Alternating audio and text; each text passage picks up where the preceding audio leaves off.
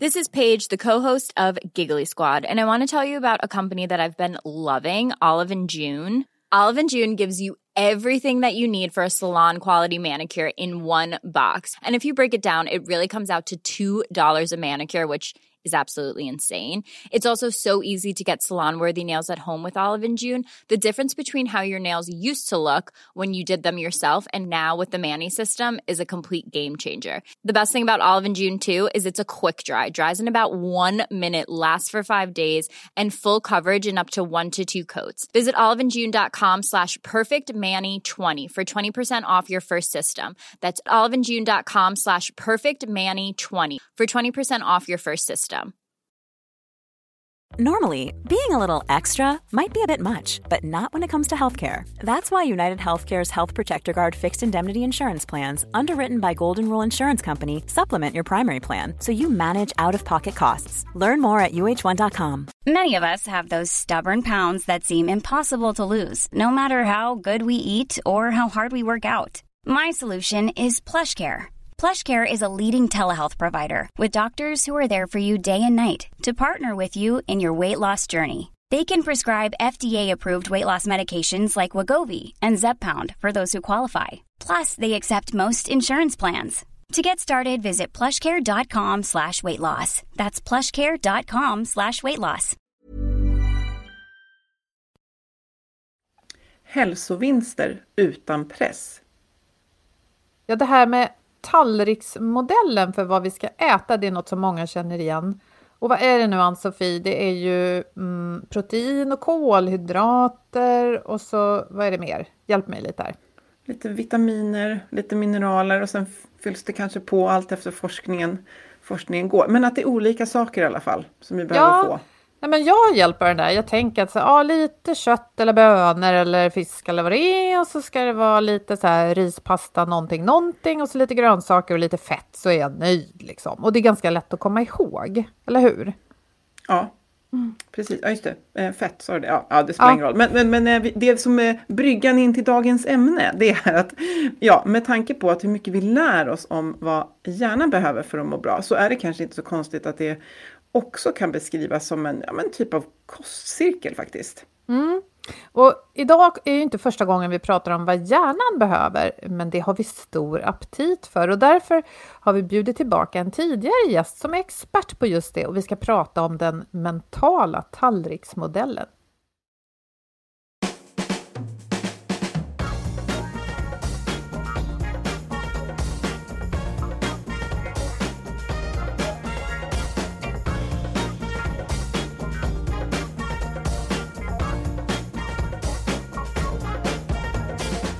Och det här är Health for Wealth. I sex år nu har vi poddat om hälsa på jobbet eftersom människor som mår bra kan prestera bra.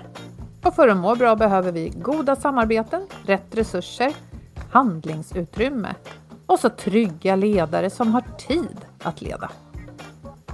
Och I podden så tar vi med hjälp av våra gäster ett helhetsgrepp på hälsan på jobbet. Och vi är Ann-Sofie Forsmark. Jag är hälsostrateg, ledarskapskonsult och driver organisationen Oxigroup. Och jag är Boel Stier, copywriter och kommunikatör. Varje vecka delar vi inspiration, idéer och tips för ett bättre och mer hållbart arbetsliv. För dig som är chef, ledare, jobbar med HR och medarbetare såklart. Du som lyssnar, Jobbar du hemma eller på kontoret eller både och? Och slutade ditt företag med hälsosatsningar när pandemin kom? Och har ni kanske haft svårt att komma igång igen för att många, precis som du, jobbar på distans? Ja, vår samarbetspartner Twitch Health erbjudande Twitch on demand, det löser den här utmaningen att människor är på olika platser. För det är en plattform som samlar hela företagets hälsoerbjudande för medarbetarna och det får igång såväl träning där hemma som utomhus och det kan lika mycket handla om mental som om fysisk hälsa. Mm, och alla kan hitta sina program och mäta framsteg utifrån behov och läge. Det kan vara mindfulness och det kan vara intensiv konditionsträning. Och du kan läsa mer på twitchhealth.se. Vi länkar här i inlägget i din poddapp som vanligt. Ja, men åter till eh, hjärnmat då, Boel. Vad, eh, tänker du specifikt på vad din hjärna behöver när du planerar ja, men både veckan och dagen? Ja, och jag har blivit bättre på det, inte minst av det du och jag har poddat om och duktiga experter vi har pratat med och böcker jag har läst. Att faktiskt respektera det. Så jag har blivit bättre på att inte köra över mig själv ständigt, utan faktiskt förstå att ja, men det behövs paus mellan, mellan möten till exempel. Och jag behöver vila, det gör mig bättre. Man är liksom inte den bästa presterande medarbetaren genom att jobba 24 timmar i sträck. Och du då? Jo, jo men absolut. Eh, det har jag verkligen gjort, framförallt senaste tiden. Men när du pratar nu så tänker jag också på att ibland så är det inte det som min hjärna talar om för mig att jag behöver i stunden exakt det som jag behöver, utan jag får liksom ta mig själv liksom lite mentalt i hampan. Men, men jag har verkligen blivit mycket bättre på att eh, planera både veckan och dagen för att min hjärna ska må bra, för då fattar jag bättre beslut och då mår liksom kroppen också bra. Och vi tror att vi är inte ensamma om att känna att vi behöver ta bättre hand om vår hjärna. Och tur då idag att vi har med oss Sissela Nattli. Sissela har varit med i podden tidigare, men förutom det så har hon doktorerat i kognitiv neurovetenskap vid Karolinska institutet med fokus på hjärnans utveckling.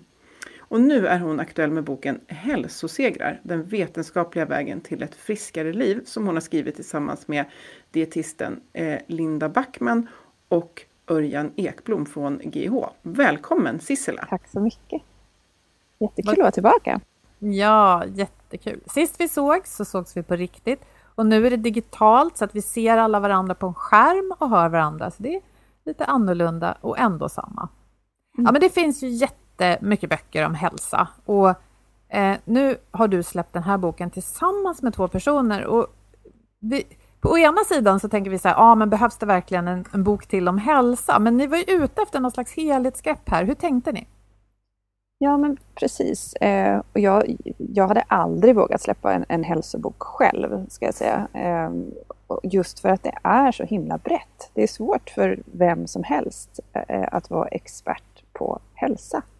Och när man kommer från det vetenskapliga hållet, som, som vi alla tre författare gör, alla har disputerat i sina olika områden, då känns det ännu läskigare att, att eh, liksom, ta sig an eh, nya marker där man vet att det här är ju ett helt område. Ska jag uttala mig som expert inom hela det här området fast jag inte har forskat på det och så vidare.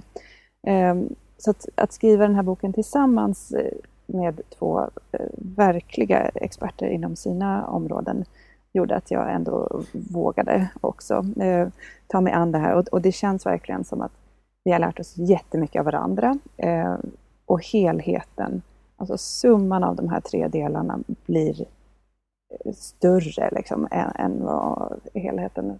Det, det, det är väldigt fascinerande att se att när jag kan säga från ett fokusperspektiv att om vi sitter stilla i mer än 20-25 minuter och fokuserar på en och samma sak så tappar vi kognitiv kapacitet och så kommer Örjan med sin mm.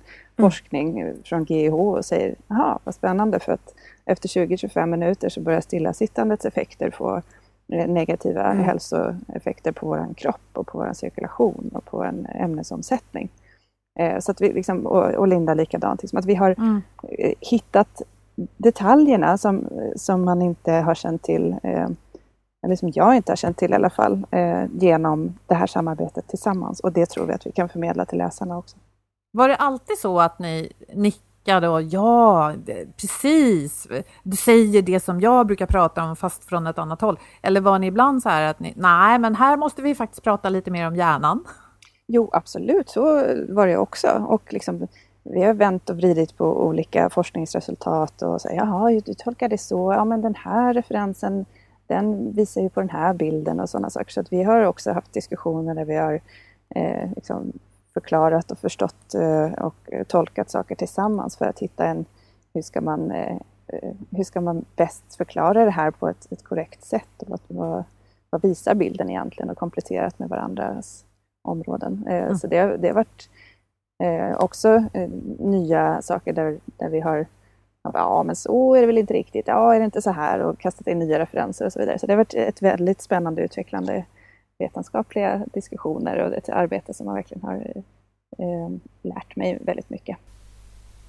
Jag tänker att man verkligen kan, jag har ju läst den, jag kan tänka att man, det känns verkligen som man kan lita på vad det står och jag gjorde också reflektionen som, som tycker jag liksom håller mig uppdaterad också och sådär. Men det var några grejer som jag sa, wow, det här var ju Jaha, lite sådär. Och för dig så blir ju såklart fokusområdet att hålla koll på, förstår jag, forskningen om hjärnan. Och eh, är det några nya rön som, som, som vi har nytta att veta om? Ja, men alltså för mig, eh, alltså mitt, min bakgrund är ju egentligen eh, kognitiv neurovetenskap, så det är mycket om eh, fokus, tid och prestation och att kunna eh, verkligen eh, ja, ja, arbeta utifrån sina eh, kognitiva exekutiva funktioner, eh, alltså arbetsminne och sådana saker. Så att, eh, för mig har det varit ett stort eh, inlärningsarbete att förstå dels eh, ja, men, hur de här olika delarna hänger ihop, både med, med den biten, men, men till exempel sömnen. Eh, hur viktig den är för att vi ska orka prestera dagen efter. Inte bara kognitivt, utan också känslomässigt. Eh, det, det känner man ju. Alltså, som människa kan man ju mm. verkligen koppla till den. Så här, åh, jag var lite extra irriterad idag, jag hade kort stubin och sådär. Och sen så tänker man, hur, hur mycket sov jag egentligen igår och dagarna innan och sådär. Då kan man eh, ganska omedelbart känna det. Men att faktiskt läsa forskningsfynden kopplade till det och vad det gör på sikt också. Så långvarig sömnbrist. Eh, och det som var eh, kul att fördjupa sig i, eller intressant, var ju fynden kring det som kallas glymfatiska nervsystem. Ja. Vad är det? Får jag bryta in här och säga att eh, stämmer det att 7 gram skräp ur hjärnan rensas ut när vi sover? Är det för alla? Är det olika för barn? Ja, nej, men det, det verkar det vara i genomsnitt det. Och det är ju för, hjärnan är ju väldigt, det, det är en levande kroppsdel som alla andra och uh, vi behöver ju ha underhåll på alla de nästan 100 miljarder nervceller som finns där. Så att saker ska bytas ut och det ska produceras eh, nya proteiner och eh, liksom, olika delar av varje nervcell måste ju hålla sig fräsch och frisk. Så det finns ju en massa slaggprodukter som du säger så så har man konstaterat att i snitt är det någonstans där, 7 eh, gram, som ska cirkuleras bort varje dygn och det här görs främst under sömnen när mm. hjärnan inte är aktivt upptagen med att tolka sin omvärld. Mm. Ehm, och det här är ganska nya fynd som är kopplade till, alltså jag tycker det är superhäftigt, men det verkar som att det verkar som att det finns eh, liksom strukturella förändringar som sker under natten. Så att stödceller eh, börjar migrera, flytta lite på sig, svälla upp och skapa som en slags eh, ja, men, cirkulerande eh, eh tvättmaskin som ska eh, tillsammans, liksom, det bildas som en donut som ska, eh, de samlar sig och så kommer den här eh, cerebrospinalvätskan, alltså ryggmärgsvätskan och eh, tvättar bort och samlar upp det här skräpet. Och eh, det här sker bara under vissa sömnfaser, så att om man inte får sin sömn, då kan inte de här strukturella förändringarna ske och de kan inte skapa den här centrifugalkraftstvättmaskinen mm, mm, och cirkulera bort de här eh, slaggprodukterna. Och det gör då att slaggprodukterna ansamlas. Mm. Och det på sikt kan leda till, det är kopplat nu till eh, bland annat sådana här eh, ja, neurodegenerativa sjukdomar som Parkinson och Alzheimers och sådana saker. Mm. Där man vet att det ofta är plackbildning då runt cellerna som gör att kommunikationen inte är lika effektiv utan börjar brytas ner. Så där ser man en, en av de förklaringarna som har kommit på senare år är då långvarig sömnbrist. Och förmodligen med eh, de förklaringarna då att det lymfatiska nervsystemet inte hinner cirkulera bort slaggprodukter som samlas. Wow, det är hårda bud att höra om man är småbarnsförälder, Sissela. Hur ska man tänka då? Jag håller helt med och jag har själv eh, som, ja, både kopplingar till det här nära och eh, också haft småbarn nyligen så att jag, jag känner verkligen den eh, allvaret som har kommit på att, att ta sin sömn på allvar. Mm. Och bli lite mer självisk kring sin sömn till exempel. Och eh, ja, ställa lite staket kring den. Mm. Det, det har bubblat upp som högre prioriterat på min lista eh, faktiskt sen jag har läst de här forskningsfynden. Mm. Och ett amatörtips, men det jag tänkte på när de var små, jag brukade tänka att för att få ihop min sömn så tar det många fler timmar. Jag var tvungen att ägna mer tid per dygn till att få till sömnen. Mm. Liksom, nu kan jag gå och lägga mig och lita på att ja, jag sätter alarmet och då vaknar jag om sju och en halv timme eller vad det kan vara. Men då var det så här, okej okay, jag får nästan försöka sova typ nio timmar. Ja. ja. Lite, men just det där att man får ju också se vad man, vad man kan påverka tänker jag. Och, och jag tänker också att hjärnan är så himla gammal och, och vi hade ju småbarn även när mm. Levde på savannen, men vi hade inte elektricitet då. så att vi Nej, absolut. Kanske naturligare så. Ja. Och det, är, ja, men det är så det, Jag tror att liksom några år som är de här intensivaste småbarnsåren, det, det är kanske någonting som man får tugga i sig också, att det mm. kan inte vara optimalt mm. hela tiden. Eh, Nej. Men på sikt, och när man kommer ur de här tyngre faserna, då kanske man, ska man prioritera en eller två hälsosaker så, så är sömnen ganska högt upp ändå, eh, skulle mm. jag säga. Mm. Och en, en riktigt bra grej tycker jag, nu är det så här, alla människor sover inte bra. Jag känner mm. många människor som faktiskt, ja, de sover inte särskilt bra och då får ju de stärka upp på andra håll. Men en som är, grej som är bra, det är att sömn annars för de flesta av oss är ju helt gratis. Ja. Mm. Så är det, det, är det. verkligen. Mm. Och, eh, och, ja.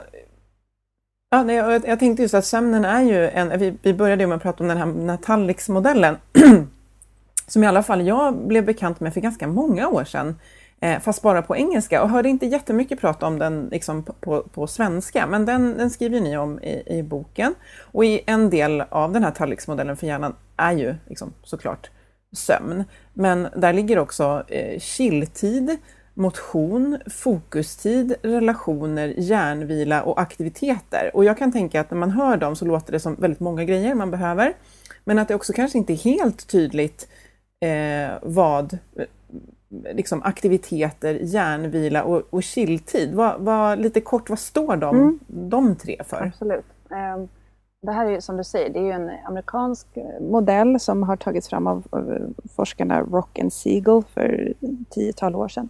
Och um, jag har gjort liksom en, en, svensk anpassning av den för den um, Eh, om den här är luddig så tycker jag att deras eh, nomenklatur är ännu luddigare. Jag håller med.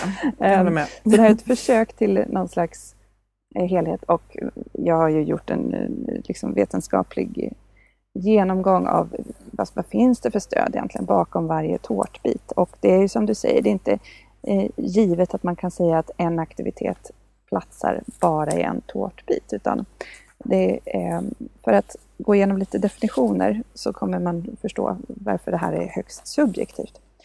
Till exempel chilltid. Där handlar det om saker där man inte känner att man ska behöva ha press att prestera. Eh, och vad du känner är prestationsdrivet kan ju skilja sig väldigt mycket från någon annan eh, känner. Till exempel om man är kock så kanske det inte alltid känns avslappnande att laga mat. Men mm. för någon som eh, inte gör det till vardags eller professionellt så kanske det är precis eh, det man behöver. Röra en kastrull och känna att gud vad härligt och dofterna. Och det kan vara chilltid för någon annan. Medan någon som inte kan laga mat tycker det är jättestressande så att följa recept. Och, ja. Så att, mm. Poängen är att det är en aktivitet, en, en, en tid där du inte känner att du måste prestera. Um, och det kan ju innebära tusen olika saker. Det kan vara eh, att sitta och rita, det kan vara att eh, improvisera på ett instrument om man känner sig bekväm med det. Det kan vara att eh, eh scrolla på mobilen, läsa skönlitteratur, eh, ligga i en hängmatta, pilla sig i naveln. Gå en promenad? Ja, och då är vi inne lite här, på flera olika saker. Det beror på mm. vad du gör på den promenaden också. Om du lyssnar på en podd så ja, då är det väl det. Kanske att det är chilltid och lite motion kanske. Promenerar du i eh, tystnad, då skulle det kunna vara hjärnvila. Mm. För då kommer vi in på hjärnvila. Vad är det då? Det är ju tid när vi inte behöver bearbeta någon slags information. Um, alltså och det kan ju också se ut på många olika sätt. Tid när du inte har stimulans utifrån, där du inte lyssnar på en podd, där du inte eh, liksom läser text, där du inte pratar med någon, utan du låter dina egna tankar studsa omkring precis där de hamnar. Det mm. kan vara fördjupad eh, hjärnvila där man har någon typ av metod för att låta de här tankarna landa genom meditation till exempel, eller mindfulness eller till och med yoga. Eller det kan vara en promenad utan podd. Och då kanske inte med fågelskådning, för då kommer du leta efter fåglar och tänka på det. Liksom. Just det. Utan tid där, där du verkligen får ägna dig åt de tankar som kommer. Och här har jag en fråga till dig Sissela. Mm. Jag läste, för många år sedan så blev jag intresserad av hjärnan och läste en hel del böcker. Eh, och då hittade jag eh, information om det här som kallas för standardnätverket. Mm. Default mode tror jag det kallas för på engelska. Mm. mm. Och när jag läste om det så tyckte jag det lät så härligt. Mm. Jag tänkte att där vill jag vara oftare och där trivs jag. Mm. Och så pratade, jag tror vi snackade med dig om det i det förra eh, avsnittet, 111 är det för dig som lyssnar om du blir nyfiken. Då snackar mm. vi om distraktioner och fokus.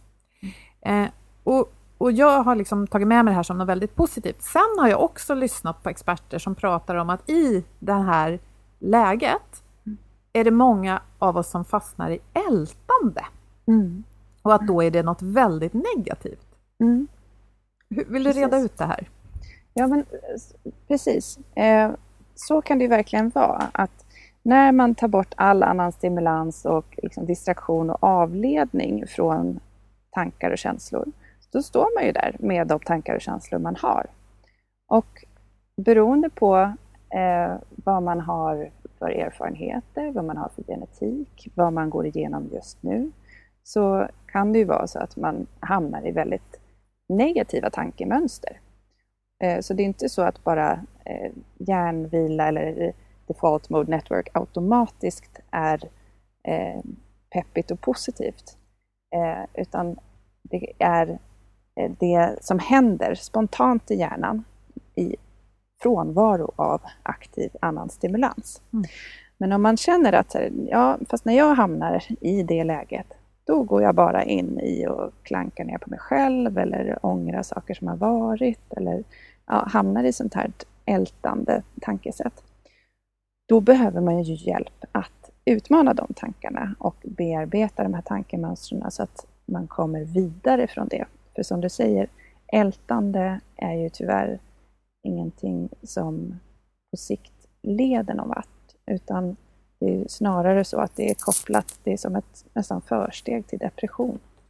Och, och, är det så då att, förlåt nu bryter jag in, men mm. för du nämnde ju tidigare att för hjärnvilan kan man ha en metod eller inte? Och att om man känner att man fastnar i ältande, då kanske man ska tänka i termer av meditation eller någon, an, någon annan grej som liksom hjälper en med det här? Absolut. Så det är inte så att man inte får eh, interagera med sina tankar. Eh, absolut inte. Utan Eh, det finns ju väldigt många bra strategier för att utmana sina tankar. Där både eh, ja, men meditation eller mindfulness kan ju vara ett sätt att eh, observera sina tankar och släppa iväg dem. Eller, eller att eh, eh, ha ett mantra till exempel när man mediterar. Det kan ju vara att uppehålla sina tankar för att kunna fokusera på andning eller någonting annat som gör en lugn. Och en tredje strategi är ju faktiskt KBT, alltså kognitiv beteendeterapi. Mm. Att när man lägger märke till att nu har jag väldigt mycket negativa tankemönster eller en inre röst som är destruktiv, då kan det ju vara att använda sig av sådana strategier och fundera över, hmm, nu kommer en sån här tanke upp, vad baserar jag den på? Mm. Eh, finns det något annat sätt att tänka och så vidare? Det finns många bra, eh, jag är inte kliniker, men den typen av strategier eh, kan behövas för att jobba med sitt ältande och kunna bryta de tankemönstren. En annan tårtbit här är ju relationer. Mm. Då tänker jag om, om jag har positiva relationer med vänner och familjemedlemmar som jag känner mig trygg med och kan, kan hänga med utan att känna att vi ska prestera. Kan sådana här fria samtal också hjälpa med det här?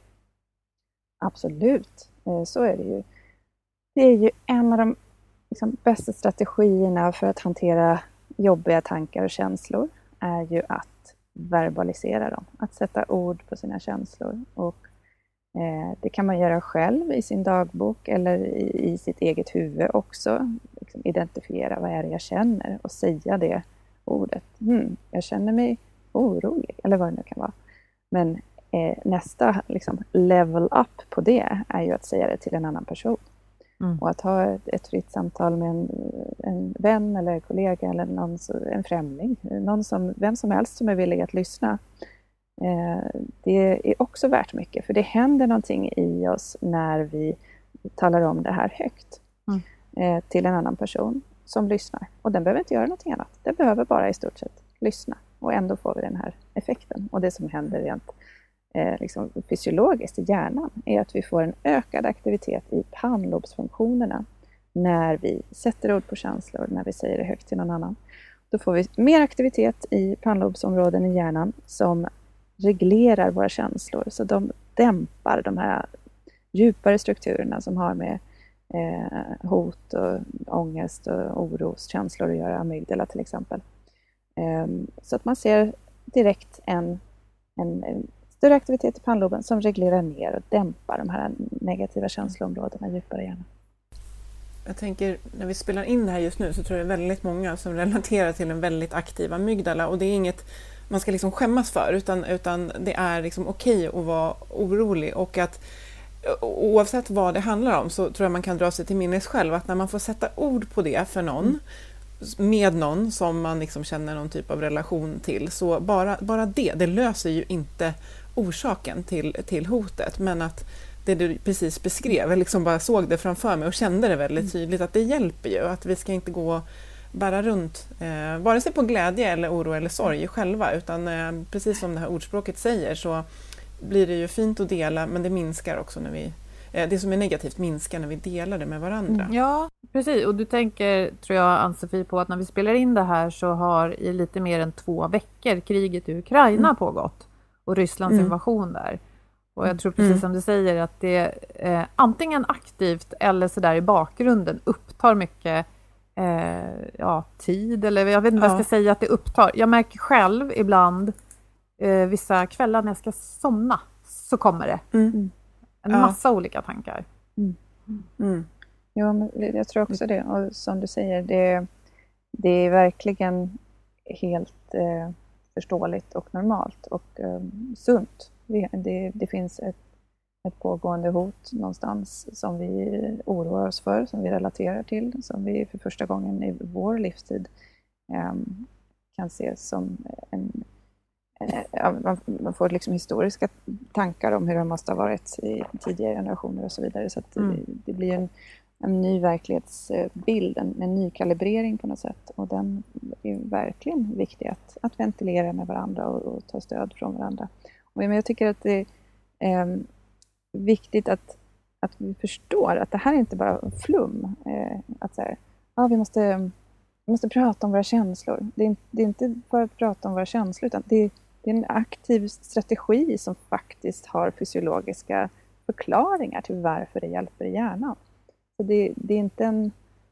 Ja, det, det, är inget att, att förminska, eh, inte för att folk gör det längre, men, men det har mm. funnits tidigare kanske sådana kopplingar till att oh, man ska prata så mycket. Så, ja, det ska man. Mm. för att det faktiskt händer saker mm. i hjärnan. Och kopplat tillbaks till eh, sömnen där ser man ju också att eh, har vi sovit för lite så har vi eh, mer dominans i de här eh, rädslostrukturerna, amygdala. Eh, och mm. mindre kapacitet i våra pannlobsfunktioner att dämpa de här känsloområdena. Så att vi blir mer reaktiva och eh, orienterar oss mer efter orossaker än om vi har mm. sovit tillräckligt. Så jag tänker det kan vara en ond cirkel där också, att man inte sover för att man ligger och oroar sig. Jag, har, jag brukar tänka att de tankarna som kommer, som är negativa när jag ligger i min säng, de får jag inte tro på, utan jag måste ta dem imorgon mm. när det är dagsljus. För jag vet själv att det är extremt mycket, om det kommer katastroftankar så är det väldigt ofta där, så att man kan ju behöva backa upp eh, liksom, på båda ändar så att det inte blir en liksom, ond, ond cirkel där. Jag, jag tänker lite på alla de här delarna. Eh, Boel? Ja, tack. Jag viftade lite med handen här. Jag måste bara få citera, tror jag, eh, Churchill. Apropå det här du sa Sissela, att, att eh, jag har också tänkt nu på att ja, hur var det för mormor? Och veta att det pågick ett krig i omgivningen och under många år gå och fundera på hur ska det bli med allting? Eh, och då tänker jag ofta på Churchill som lär ha sagt någonting att eh, inför något viktigt beslut att men, nu lägger jag mig och sover. För han var i alla fall känd för, dels mm. tror jag faktiskt att ha en hel del problem med sin sömn, men också att förstå hur viktigt det var att ta sådär naps ofta. Mm. Han gjorde ju mm. det. Ja, han hade något ställe där han gick och, just precis du säger, han skulle fatta beslut. Ryktet säger i alla fall, men det finns nog mycket sanning i det. Ja, men jag gillar den bilden av en person då som hade otroligt eh, svåra beslut att fatta, mm. som påverkade otroligt många människor. Just insåg vikten av att nej, jag måste nog vila här nu innan jag kommer till rätt beslut. Mm. Och eh, tillbaka, eller vi är ju fortfarande i de här tårtbitarna. Eh, tanken är liksom att man ska få en del av varje tårtbit varje dag. Är det så Cecilia? Ja, sömn, det säger sig själv. Liksom att, ja, ja mm. alltså den här eh, mentala tallriksmodellen, den ska jag se som ett tankestöd för att se mm. över hur balansen ser ut generellt. Och man ska inte behöva känna att så här, åh gud, nu är det sju grejer som jag ska ticka av i checkboxar här. Ja. Utan eh, det handlar om att, att se över, får jag till det här alls? Alltså har jag tillfällen där jag aktivt har någon slags hjärnvila eller behöver jag bättra på det? Och beroende på hur långt man har kommit i de här olika delarna så, så kan det verkligen handla om att först bara inventera. Gör jag någonsin hjärnvila? Eller är jag konstant på min mobil varenda gång jag har ett litet, litet mellanrum? Mm. Fem sekunders väntan. Fyller jag hela tiden de där mellanrummen eller har jag det? Eh, men sen kan det ju vara så att man har kommit mycket längre i en, eh, i en tårtbit. Man kanske har verkligen koll på sin motion och, och, och träning och rörelse. Och då finns det ju mera konkreta steg att ta. Men det första är bara att inventera balansen. Så man ska inte behöva känna att det här ska göras alltihopa lika mycket eller, lika, eller varje dag ens en gång. Eh, den som vi inte pratade om när vi försökte distingera chilltid, hjärnvila, så var det aktiviteter. Ja. Eh, det handlar ju om att hitta, eh, eller att ha en plattform och tid att ägna sig åt någonting som ger en mening. Mm. En del jobbar med sin passion. En del eh, älskar att rida och går till stallet. En del spelar paddel. En del har musiken som sin passion. En del är scoutledare eller någonting annat. Vad är det som gör att man längtar till onsdag? För mm. då ska jag få göra min grej. Mm. Någon typ av aktivitet där, det känns utvecklande, där man har ett sammanhang, som man trivs i eller där man känner mening. Det kan också vara att man eh, ger av sin tid, att man hjälper till på något sätt. Eller att man känner att man bidrar på något eh, sätt till en fråga i, i samhället. Eh, och som sagt, det ser också väldigt olika ut. En del jobbar med det, eh, en del har det som specifika hobbys. Mm. Eh, och för någon annan är det att eh, ta hand om sin mamma lite extra mycket till exempel. Um, så någonting som gör att man känner meningsfullhet eh, som man kan utöva.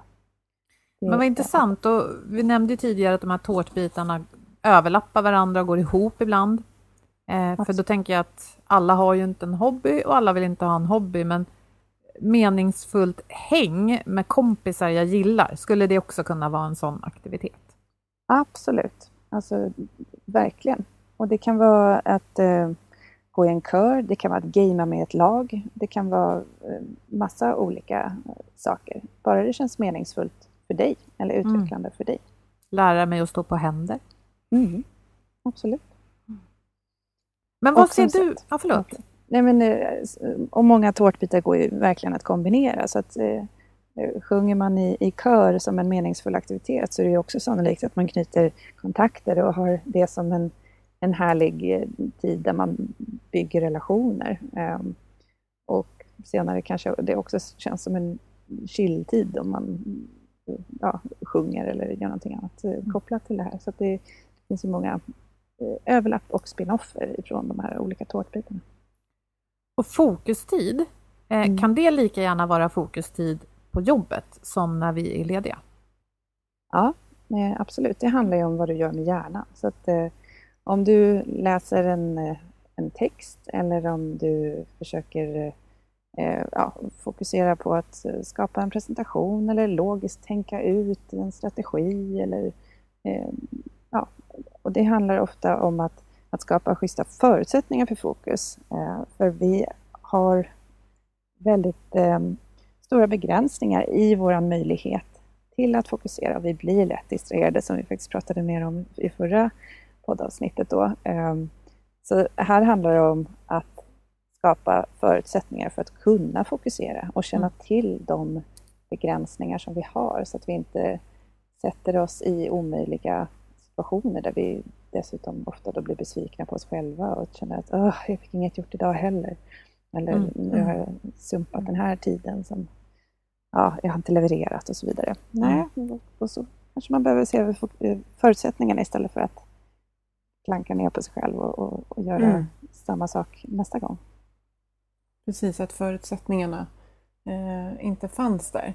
Eh, jag har ju börjat med hästar igen och jag bara reflekterar när du beskriver det här att jag undrar om det kvalificerar som fokus men i ett visst läge i ridningen så känner jag mig så otroligt fokuserad så att eh, och det är ju på eh, hästens signaler mm. tillbaka till mm. mig. Eh, och det där är ju ett helt annat fokus än vad jag använder på jobbet. För på jobbet är det ju liksom läsa någonting och fånga upp, eller som när vi poddar så här. Men där är det, det är så dynamiskt och det är, jag blir inte trött av det, men jag skulle inte kunna hålla på så i flera timmar heller. Mm. För det är, kräver liksom 100 procent. Men, men det är så mycket i det, som, apropå det här med att de täcks in. Det är fysisk aktivitet, det är chilltid. Eh, jag tycker ju att det är relation eftersom det är med, med och människor där också och hästen. Mm. Så att jag tror att jag får väldigt mycket av den här eh, tankemodellen med mig i den aktiviteten att gå till stallet. Liksom. Oh. Eh, och det är inte bara chilltid och absolut ibland kan det nog vara lite, lite prestation där också. Alltså inte gentemot någon annan men inför mig mm. själv. att Hur gick det där nu då? Så, mm. Mm. så jag tänker att det låter på dig som att det gäller ju att ta den här, inte som du säger att jaha, nu har jag inte gjort det här idag, men att ha med den liksom som en liten stödguide, att jag förstår att min hjärna behöver mm. de här delarna. Hur ser det ut? Mm. Liksom? Mm. Vad saknar jag? Vad, vad skulle jag behöva mer mm. av? Och vi som poddar mycket på, eller vi poddar inte på jobbet, vi poddar om hur vi har det på jobbet. Eh, då tänker jag att när jag tittar på de här sju så ser jag att den som är lättast för mig att prata om är ju ändå fokustid faktiskt. Vad säger ni? Du tänker på jobbet? Ja, på jobbet. att det är den, ja. Mm. För jag, menar, alltså, jag sover inte mm. på jobbet, motionen hjälper mig på jobbet, men det är få av oss motionerar på jobbet och så vidare. Relationer har vi där visserligen. Mm. Eh, och mm. meningsfulla aktiviteter, ja förhoppningsvis, men kanske inte alltid. Mm. Så det här med fokustid, jag tror att det känns som att det är någonting som fler och fler pratar om i alla fall. Vad säger du mm. Sissela? Jo, men det tror jag också. Eh, och det har ju också kommit upp på kartan tydligare utifrån eh, två års distansarbete och vilka förutsättningar har man hemma? Bor man i en etta där ens partner är föräldraledig med ens ettåring? Ja, det är ju väldigt tuffa förutsättningar för att fokusera i en sån miljö. Och likadant eh, innan, alla liksom, öppna kontorslandskap och så vidare. Det beror ju på väldigt mycket hur verksamheten ser ut och hur, hur väl man har förstått sin egen verksamhet och de behoven som finns utifrån att anpassa kontor och eh, de miljömässiga faktorer som, som faktiskt krävs för att mm. ha optimala förutsättningar för fokus. Eh, så den, den, är ju helt klart väldigt tätt eller naturligt kopplat till arbete och, och, prestation. Men jag tycker också att motion och de kapitel som Örjan skriver om liksom stillasittande och att försöka bryta det. Mm. Um, det handlar inte nödvändigtvis om att man måste träna på jobbet, men det kan ju vara att, att försöka komma in i en kultur där man tar regelbundna eh, pauser, kanske varje halvtimme, där det är så här, ja, men nu, nu ställer vi oss upp och gör tio tåhävningar. Vi kan prata vidare runt det här mötesbordet, men nu, nu står vi här och gör tåhävningar samtidigt. Det går jättebra, men det handlar om att kulturellt våga eh, ta det. De där två tycker jag, för min egen del, utmanar väldigt mycket varandra. Mm. Så i hemarbete till exempel kan jag ofta fokusera bra. Jag har digitalt stöd för det idag. Jag kan boka fokustid i min kalender och visa mina kollegor att stör helst inte nu. Eh, men då glömmer jag, speciellt när jag är hemma, att resa mig. För att jag är så inne och det är ganska kul också. Jag är inne i det här, det är ett flow i skallen känns det som i alla fall. Och ja, jag vet inte hur man ska göra det där. För att bara sätta en klocka som ringer var, varje halvtimme, det blir störande också, tycker jag. Mm. Alltså, och, ja, jag, jag, håller med och jag förstår verkligen. Eh, men det finns också en poäng i att eh, verkligen beroende på vilken typ av uppgift man har framför sig. Eh, ibland kan det ju vara så här, det tog jättelång tid att hitta det här flowet och nu måste jag bara köra. Då, då får man väl göra det. Liksom. Så kan jag känna med liksom, analys och forskning. Ibland tar det en och en halv timme för mig att komma in i ett flow. Mm. Eh, men där får man också utmana sig att men jag kanske kan bibehålla flowet fast jag faktiskt ställer mig upp mm. och eh, fortsätter tankemässigt men rör på kroppen. Liksom. Eh, men sen så i, om det inte är lika flow-intensiva uppgifter, då tycker jag att pomodoro och att sätta den där klockan eh, och, och, faktiskt tvinga sig själv att nu tar jag det här avbrottet när klockan kommer, även om det är mitt i en mening. Eh, mm. Jag tror att det är, det är Stephen King som har det som knep. Att när han, nej det kanske ja, man ska inte citera folk när man inte är helt säker. Jag vill säga antingen Stephen King eller Jan Guillou. som har sagt eh, eh, att bästa knepet för att motverka skrivkramp är att avsluta mitt i en mening. För då kommer man tillbaka right. till uppgiften väldigt naturligt. Ja. För att det är en helt oavslutad mening. Så det är väldigt lätt att bara fortsätta den tanken som man hade initierat. Och det, kan ju, ja. det tänker jag på med Pomodoro ibland. Så här, ja, nu ringde klockan. Nu nu ställer jag mig direkt. Jag tänker inte ens avsluta en mening utan det är nu. Det är nu. För då mm. kommer jag liksom lättare in igen när jag bara har tagit en liten fem minuters eller tre minuters break. Det var ju intressant mm. att se det från, alltså vända på det. Som det blir lättare att komma ja. in. Ja, ja, jätte... just det. Ja. Mm vi tänker lite avslutningsvis, åh, tre tips till våra lyssnare. Jag, jag, men, men vi, vi, vill verkligen ställa den frågan och jag, jag, skulle inte bli jätteförvånad utan att leda dig till vad du ska svara. Men, men eh, du sa också att, alltså, apropå nya rön, liksom det här med sömnen och det glymfatiska systemet, men att om man vill ta riktigt bra hand om sin hjärna, vad är liksom tre, tre saker man ska tänka på då och agera på? Eh, ja, Eh, ja, men vi, vi tar sömnen först, för nu har vi liksom fokuserat och lyft den ändå. Eh, och där, eh, jag skulle verkligen försöka hitta en eh, prioritet runt sömnen och eh, utan att liksom lägga mer press på den, men att hitta schyssta rutiner kring det. Om det är att eh, ta ett bad eller läsa sista timmen eller hitta någonting som känns njutbart och härligt, att man inte alltid fastnar i att titta på ett avsnitt till på Netflix och lägga sig en timme för sent eh, igen.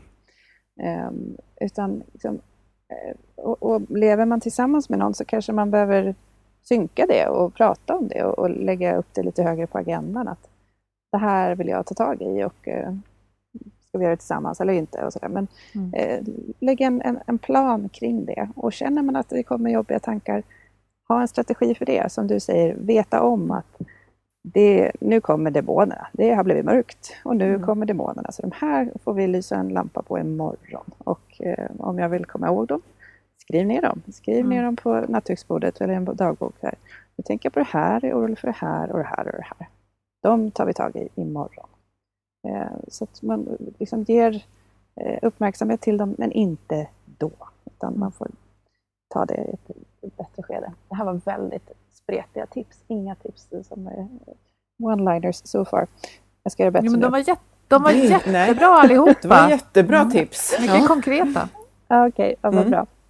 Eh, och i övrigt så är det ju det här med mobilen, känner jag. Och särskilt nu i eh, tider när vi har mycket oro, oroliga nyheter som kommer in från omvärlden. Att det är okej okay att eh, filtrera lite grann eh, för sitt eget mående. Att bestämma sig för att eh, jag kanske låter någon annan uppdatera mig på nyheter om man känner att man blir väldigt påverkad. Eller kollar nyheter en gång om dagen och kanske inte då klockan tio nyheterna på kvällen precis innan man ska sova. Utan att, mm. att man också slår vakt lite grann kring det flöde man tar in. Um, för att det styr också våra reaktioner och våra tankar och våra känslor. Och det gäller både sociala medier och vilka intryck vi tar in där om omvärlden. Men också nu särskilt då nyhetsflödet som, som vi tar in i våra tankemönster. Um, ja, och sen är det väl att göra, ja, göra det så lätt som möjligt att få till rörelsen.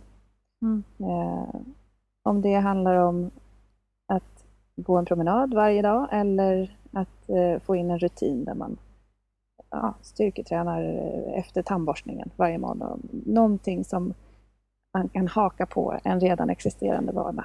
Så mm. är det optimalt förstås. Mm.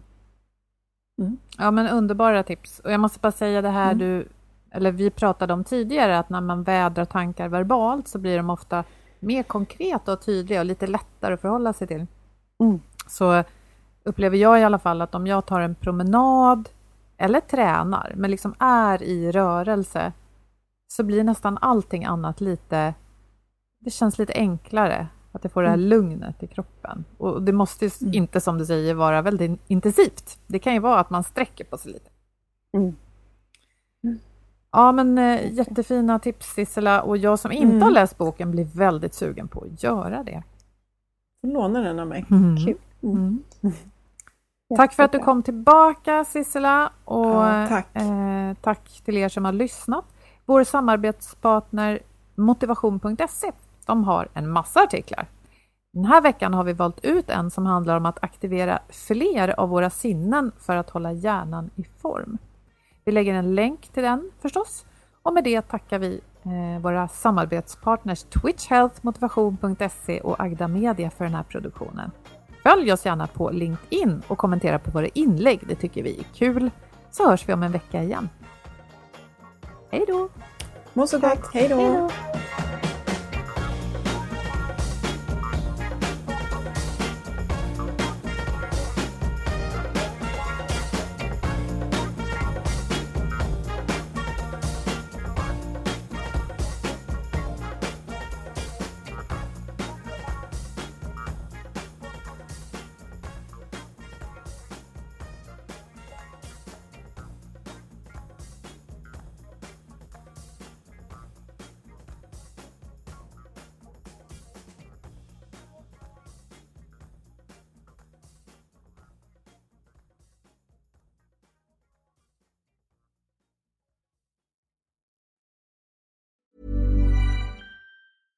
Selling a little or a lot? Shopify helps you do your thing however you cha-ching. Shopify is the global commerce platform that helps you sell at every stage of your business. From the launch your online shop stage to the first real life store stage, all the way to the did we just hit a million orders stage. Shopify is there to help you grow. Shopify helps you turn browsers into buyers with the internet's best converting checkout. 36% better on average compared to other leading commerce platforms because businesses that grow grow with Shopify. Get a $1 per month trial period at shopify.com/work. shopify.com/work. Even when we're on a budget, we still deserve nice things. Quince is a place to scoop up stunning high-end goods for 50 to 80% less than similar brands. They have buttery soft cashmere sweaters starting at $50 luxurious Italian leather bags, and so much more. Plus, Quince only works with factories that use safe, ethical, and responsible manufacturing. Get the high-end goods you'll love without the high price tag with Quince. Go to quince.com/style for free shipping and 365-day returns. Normally, being a little extra can be a bit much, but when it comes to healthcare, it pays to be extra and United Healthcare makes it easy with Health Protector Guard fixed indemnity insurance plans. Underwritten by Golden Rule Insurance Company, they supplement your primary plan, helping you manage out of pocket costs without the usual requirements and restrictions like deductibles and enrollment periods. So when it comes to covering your medical bills, you can feel good about being a little extra. Visit uh1.com to find the Health Protector Guard plan for you.